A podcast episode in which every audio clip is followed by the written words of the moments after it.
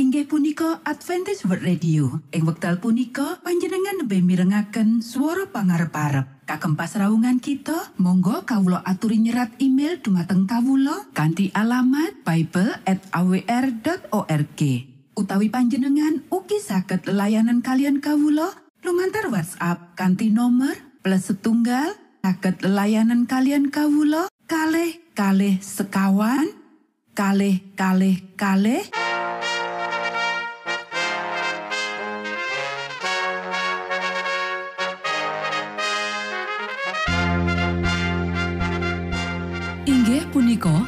Adventis World Radio ingkang giaran kanthi basa Jawi. Tentrem Rahayu kula aturaken kagem para mitra kinasih ing pundi papan lan panggonan. Sugeng pepanggian malih kalian Adventis World Radio. Kanthi bingahing manah Kulo badhe sesarengan kalian para mitra kinasih lumantar saperangan adicara ingkang sampun rinonci mligi kagem panjenengan sami. Mugi giaran punika saged migunani tuwin dados berkah kagem kita sedaya. Sugeng midhangetaken Gusti amberkahi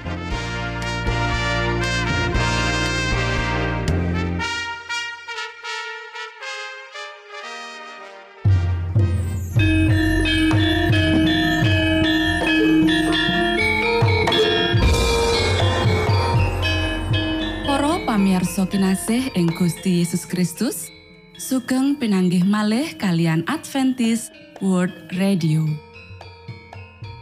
Ing wekdal punika, kita badhe sesarengan ing adicara ruang kesehatan ingkang saestu migunani kagem panjenengan saha kita sami. Tips utawi pitedah ingkang dipun aturaken ing program punika tetales dawuhipun Gusti ingkang dipunnyatakaken ing kitab suci. Semanten ugi sakehing seratan ingkang dipun wangsitaken dening Gusti Allah.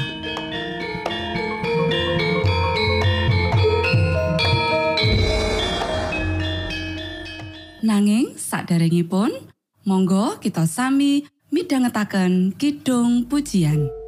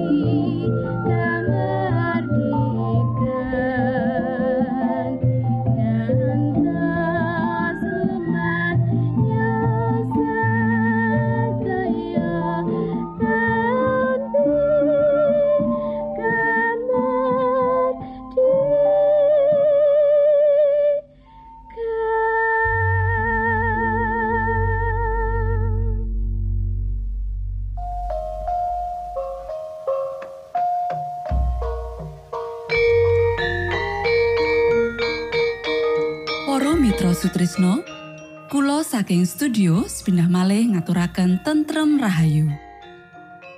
Puji syukur dumateng Gusti ingkang murbeng dumati ingkang sampun kepareng paring wewenngan kagem kita. Satemah saged nglajengaken ruang kesehatan. Pirembakan kita semangke kanthi irah-irahan. Neuroprotektor.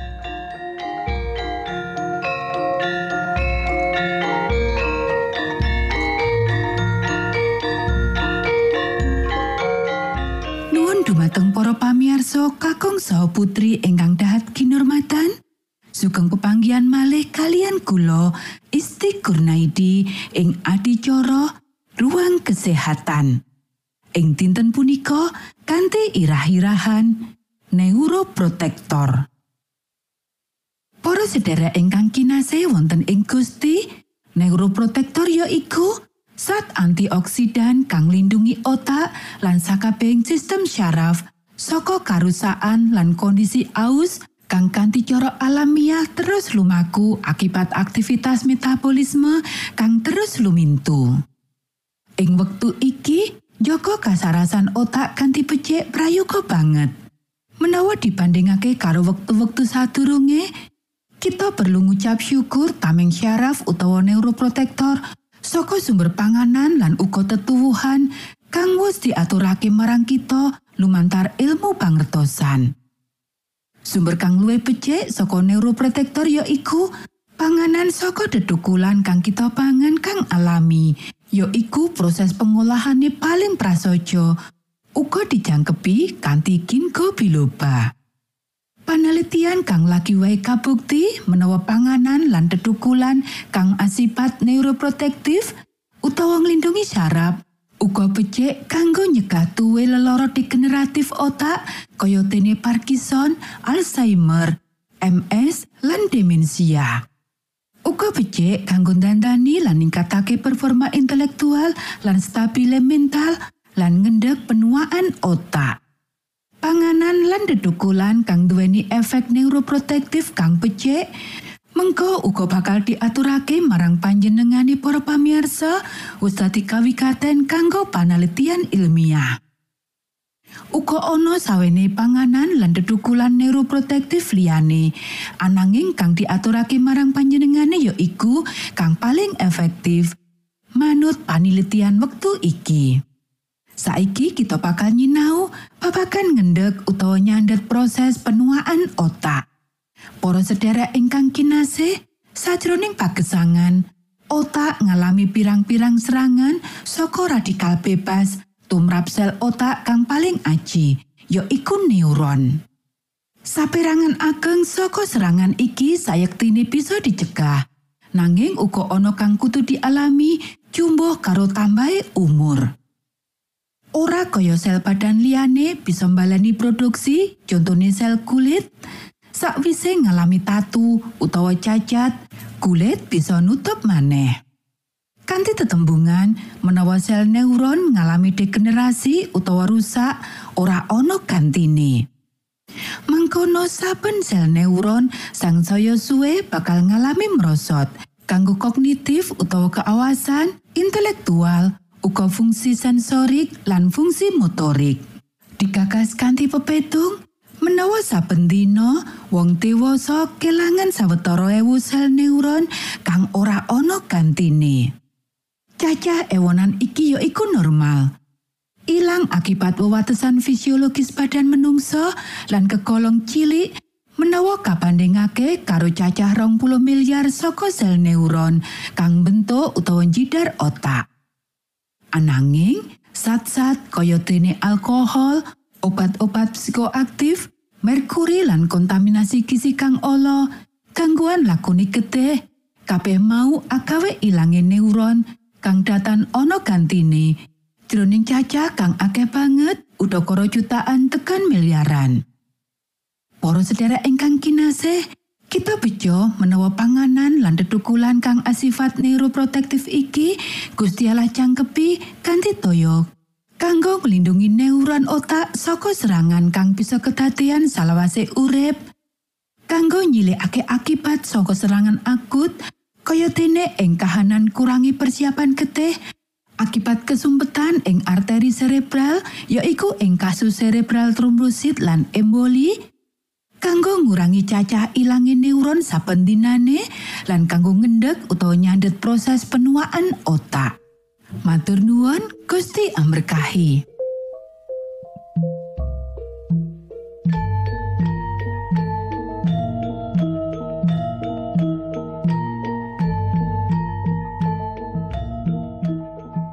Cekap semanten pimbakan ruang kesehatan ing episode dinten punika. Mugi pisegahan punika saged migunani kagem kita sami. Ugi sampun kuatos jalaran kita badhe pinanggih malih ing episode sak lajengipun.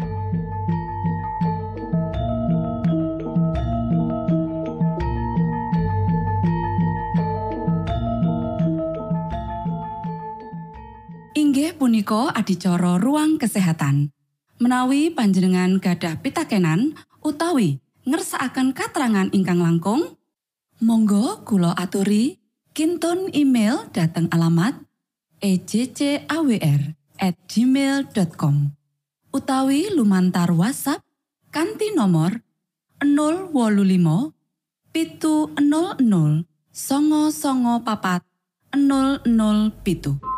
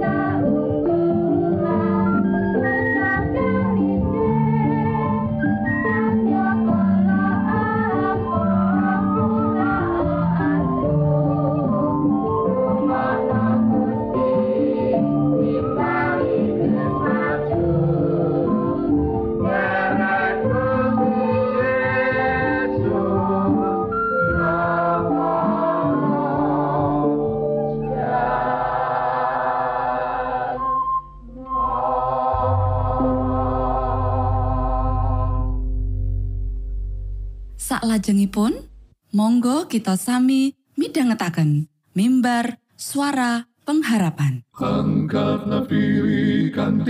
pawarto Sang Kristus paderamu.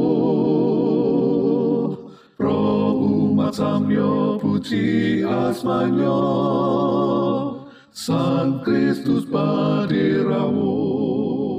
Inggih punika mimbar suara pengharapan ing episode punika kanthi irah-irahan. Gusti Allah mirengaken pandonga. sugeng minangka tondo Sang Kristus paderamu Ilmu kawero tambah tambah Sang Kristus paderamu Paderamu Paderamu Sang Kristus paderamu Shalom. Para pamirsa ingkang kinasih wonten ing Gusti, sakmenika kita badhe mitangetaken renungan Sabda pangantikanipun Gusti. Ing dinten punika kanthi irah-irahan Gusti Allah mirengaken pandonga. Dawa Sabda pangantikanipun Gusti wonten ing kitab Sabur pasal tigang doso sekawan ayat 16 inggih punika Tingale Allah katujokake marang wong mursid sarta talingane nilingake pasambate. Para sedherek ingkang kinasih, nalika Gusti Yesus wonten ing jagat lan tindak satengahipun manungsa, panjenenganipun ndedonga. Lan oh, kados pundi estu-estu pandonganipun. Asring panjenenganipun nelasaken wekdal setalu natas ing sainggilipun pasiten ingkang teles lan asrep, saklebetipun panyuwunan ingkang saged ngrantesaken. Kamangka panjenenganipun menika putranipun Gusti Allah ingkang kinasih lan boten dosa. Menawi Gusti Yesus rumaos perlu rujuk kalian Gusti Allah lan ngetingalaken estu-estunipun ageng sanget matur panjenenganipun menapa malih kita ketah mekaten. Ingkang kasepataken panjenenganipun ahli waris kawilujengan. Ingkang dados sasaranipun panggoda mengsah ingkang kiat. Lan kumantung dumateng sih palimirmanipun Gusti Allah kagem kegiatan. Ngurbanaken sedaya jiwa kita kagem kelut kalian Gusti Allah. Para sederek, Iblis tansah sumadya mlithuk bilih pandonga menika pedamelan padatan lan boten mikantokaken menapa-menapa. Piyambakipun boten kiat mirengaken penyuwunan dumateng sainganipun ingkang awrat. Mirengaken swanten pandonga ingkang estu-estu, kuwaosipun pepeteng gemeter. Ajrih menawi pesakitanipun mangke uwal. Pramila piyambakipun mangun bebeteng wonten sakupengipun supados sunaripun swarga boten tumugi dumateng jiwa-jiwanipun para pesakitan menika. Namung menawi saklebetipun katindes lan tanpa dayanipun mirsani dumateng Gusti Yesus, nyuwun kamirahanipun rahipun, panebus ingkang kebak welas asih mirengaken pandonga pitados ingkang tegun lan estu-estu lan ngutus para malaikat prakusa ngluwari panjenengan-panjenenganipun. Lan nalika para malaikat pepadang kanthi pirantos kasuwargan rawuh paring pitulungan jiwa-jiwa ingkang ringkih lan ngupati, pramila para malaikat pepeteng dawah. Piyambakipun kawon ing peperangan lan badhe sansaya kathah jiwa luar saking kegiatanipun pengaruhipun. Para sedherek ingkang kinasih, menawi panjenengan ngajeng-ajeng kawilujengan, pramila panjenengan kedah ndedonga. Munduta wekdal, sampun kasesa lan sembrono wonten ing pandonga panjenengan. Aturna dumateng Gusti Allah supados damel ewah-ewahan enggal ing sedaya samukawis wonten ing diri panjenengan. Supados woh-wohipun roh saged lerem ing saklebetipun diri panjenengan lan awit pagesangan panjenengan ingkang sae, panjenengan saged sumunar dados pepadang wonten ing jagat. Para sederek, saben panyuwunan ingkang kaunjukaken dumateng Gusti Allah wonten ing pitados lan kanthi manah tulus badhe kaparingan wangsulan. Pandonga kados menika boten nate ical. Namung menawi nyenyuwunipun menawi tansah kaparingan wangsulan kanthi margi lan perkawis ingkang tamtu kados ingkang kita pinginaken menika mujudaken gumunggung. Monggo kita sami tetunggo. Duh Rama kawula ingkang wonten ing swarga, asma patuko mugi kasucikaken. Kraton patuko mugi rawuh. Karso patuko mugi kalampahan wonten ing bumi kados dene wonten ing swarga. Kawula mugi kaparingan rejeki kawula sak cekapipun ing dinten punika. Saha patuko mugi ngapunten kalepatan kawula kados dene kawula inggih ngapunteni tetiang ingkang kalepatan dhateng kawula. Punapa dene kawula mugi sampun ngantos katantokaken dhateng ing panggoda nanging mugi sami patuko uwalaken saking piawon. Awit dene patuko ingkang kagungan kraton saha wisesa tuwin kamulyan salami laminipun. Amin.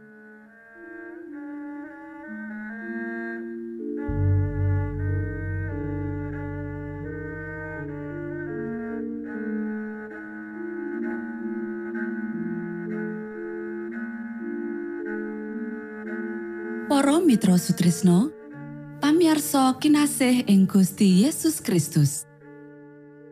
Sampun paripurno pasamuan kita ing dinten punika.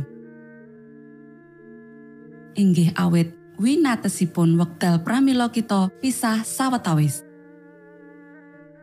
Menawi panjenengan gadah pitakenan utawi ngersaakan seri pelajaran Alkitab suara nubuatan Monggo Kulo aturi kinton email dateng alamat ejcawr at gmail.com utawi lumantar WhatsApp kanti nomor 025 pitu 00 songo songo papat 00 pitu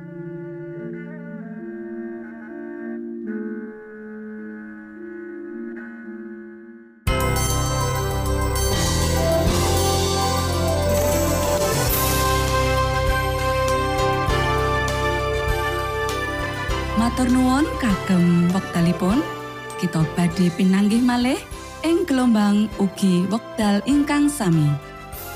Saking studio kula ngaturaken tentrem rahayu.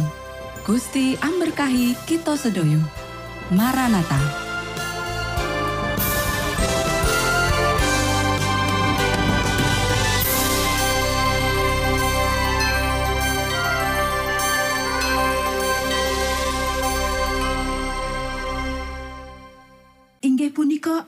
Adventist Radio. Ing wekdal punika panjenengan lebih mirengaken suara pangarep-arep. Kagem pasraungan kita, monggo kawula aturi nyerat email dumateng kawula kanthi alamat bible@awr.org.